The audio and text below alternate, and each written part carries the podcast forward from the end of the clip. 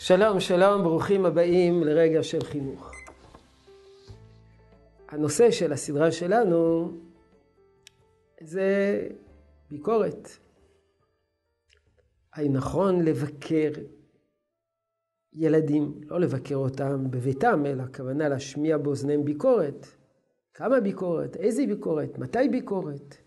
מה היחס שלנו כלפי ביקורת כלפי ילדים? יש הורים שמאוד מאוד אה, נרתעים מביקורת. מדוע? מפני שביקורת אה, יוצרת מתח, יוצרת לילד או למתבגר אי נעימות גדולה, והאי נעימות הזאת עלולה להביא לנתק.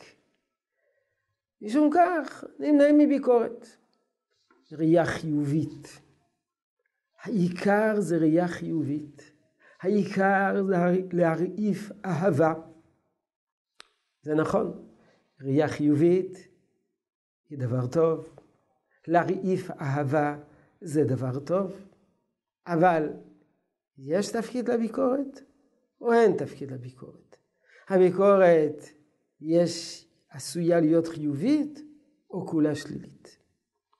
נזכיר מן הדברים היותר מפורסמים, שישנה מצווה בתורה, הוכח, תוכיח את עמיתך. זו מצווה. להשמיע תוכחה. תוכחה זו ביקורת. ואם ישנה מצווה להוכיח את עמיתך, על אחת כמה וכמה שישנה מצווה להוכיח את מנחה.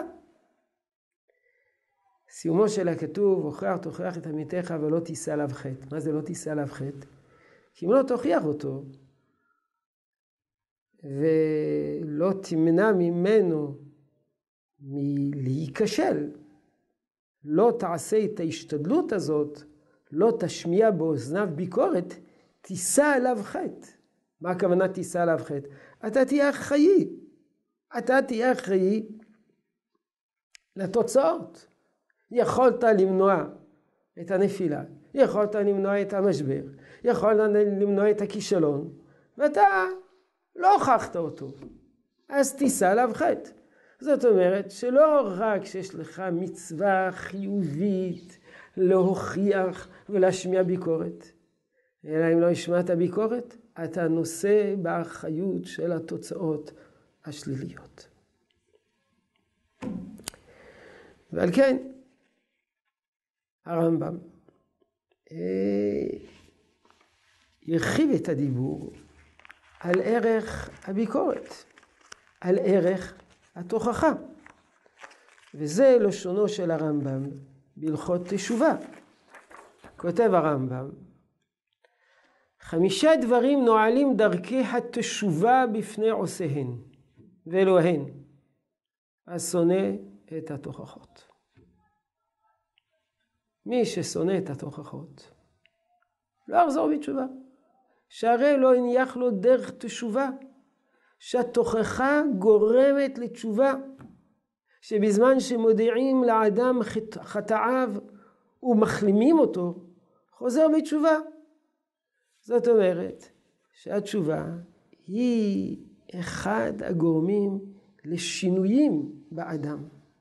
אין אסיר מוצא את עצמו מבעיית האסורים, הוא זקוק לגורם חיצוני שיעורר אותו, שידחוף אותו, שימשוך אותו.